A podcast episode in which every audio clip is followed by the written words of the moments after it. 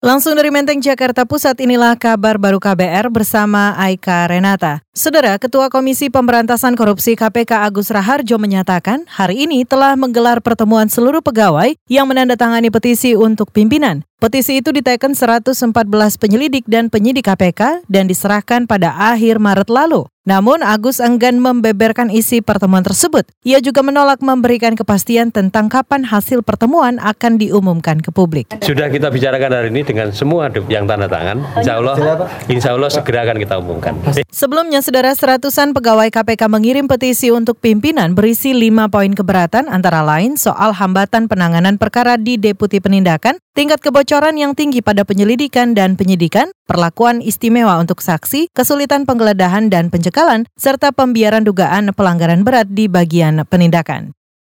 Kita beralih ke soal lain, Saudara. Asosiasi TV Swasta Indonesia menerima putusan Mahkamah Konstitusi yang menolak permohonan uji materi tentang batasan waktu hasil hitung cepat. MK tetap membatasi pengumuman hasil hitung cepat dua jam setelah rampungnya pemungutan suara di Indonesia bagian Barat. Ketua Umum Asosiasi Isyadi SK menilai janggal putusan tersebut. Pasalnya, MK justru mengabulkan permohonan gugatan serupa pada 2009 dan 2014. Quickcon adalah perangkat pemilu yang sangat strategis karena diharapkan akan terhindar jangka waktu yang ada sehingga kita bisa menyampaikan berita secara akurat, tepat, dan cepat.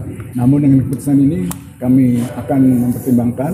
Pada prinsipnya kami tentu menerima karena ini adalah keputusan Mahkamah tertinggi dan kami akan membahas secara internal sebelum mempersiapkan langkah-langkah berikutnya. Ketua Umum Asosiasi TV Swasta Indonesia Isa SK menduga kejanggalan putusan itu lantaran waktu sidang yang sempit. MK memutuskan gugatan sehari sebelum hari pencoblosan.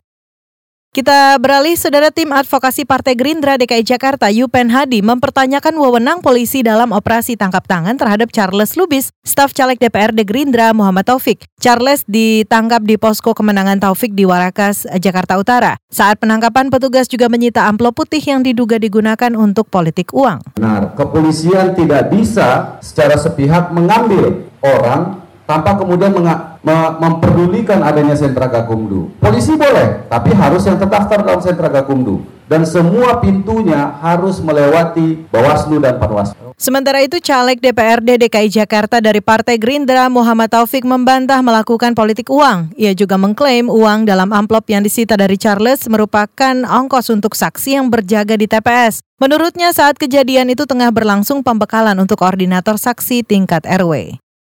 Kita beralih saudara praktik politik uang jelang hari pemungutan suara dikabarkan marak di Rembang. Selengkapnya bersama reporter Radio Jaringan Musyafa dari Radio R2B Rembang. Aksi bagi-bagi uang menjelang coblosan pemilu 17 April diduga marak di Kabupaten Rembang, Jawa Tengah. Hasil penelusuran untuk pasaran calon legislatif DPRD Kabupaten Rembang dibanderol tarif antara 50 sampai 100 ribu rupiah setiap orang pemilih. Seorang politisi sebuah partai politik yang enggan disebutkan namanya mengakui persaingan di daerah pemilihan kota Rembang paling panas. Sejumlah caleg berlomba-lomba membagi uang melalui tim sukses masing-masing. Namun sistem pembagian dilakukan sangat rapi untuk menghindari kemungkinan jeratan sanksi. Ketua Badan Pengawas Pemilu Bawaslu Kabupaten Rembang, Toto Suparyanto, mengatakan, berdasarkan Undang-Undang Pemilu hanya pelaku pemberi uang yang bisa dijerat pidana kasus politik uang, sedangkan penerima tidak bisa. Jika terjadi ketika hari pencoblosan, subjek hukumnya lebih luas, yakni setiap orang yang terbukti melakukan money politik dapat diproses. Tapi kalau pada masa tenang itu subjek hukumnya ada tiga, yaitu pelaksana kampanye, ini terkait dengan caleg-caleg DPR, DPD, kemudian tim kampanye ini terkait dengan paslon, presiden, hmm. wakil presiden, dan e, peserta kampanye. Tetapi sekali lagi kami mengingatkan ke masyarakat untuk berhati-hati. Yang jelas e, di masa tungsuran nanti subjek hukumnya setiap orang. Ketua Bawaslu Kabupaten Rembang, Toto Subaryanto, Lalu bagaimana jika ada warga memergoki praktek politik uang siap melapor asalkan identitasnya dirahasiakan? Toto menegaskan tidak bisa seperti itu karena untuk menindaklanjuti sebuah laporan perlu diketahui siapa pelapor, terlapornya, saksi maupun barang bukti. Musyafa, R2 Birembang melaporkan untuk KBR. Demikian kabar baru dari kantor Berita Radio KBR, saya Aika Renata.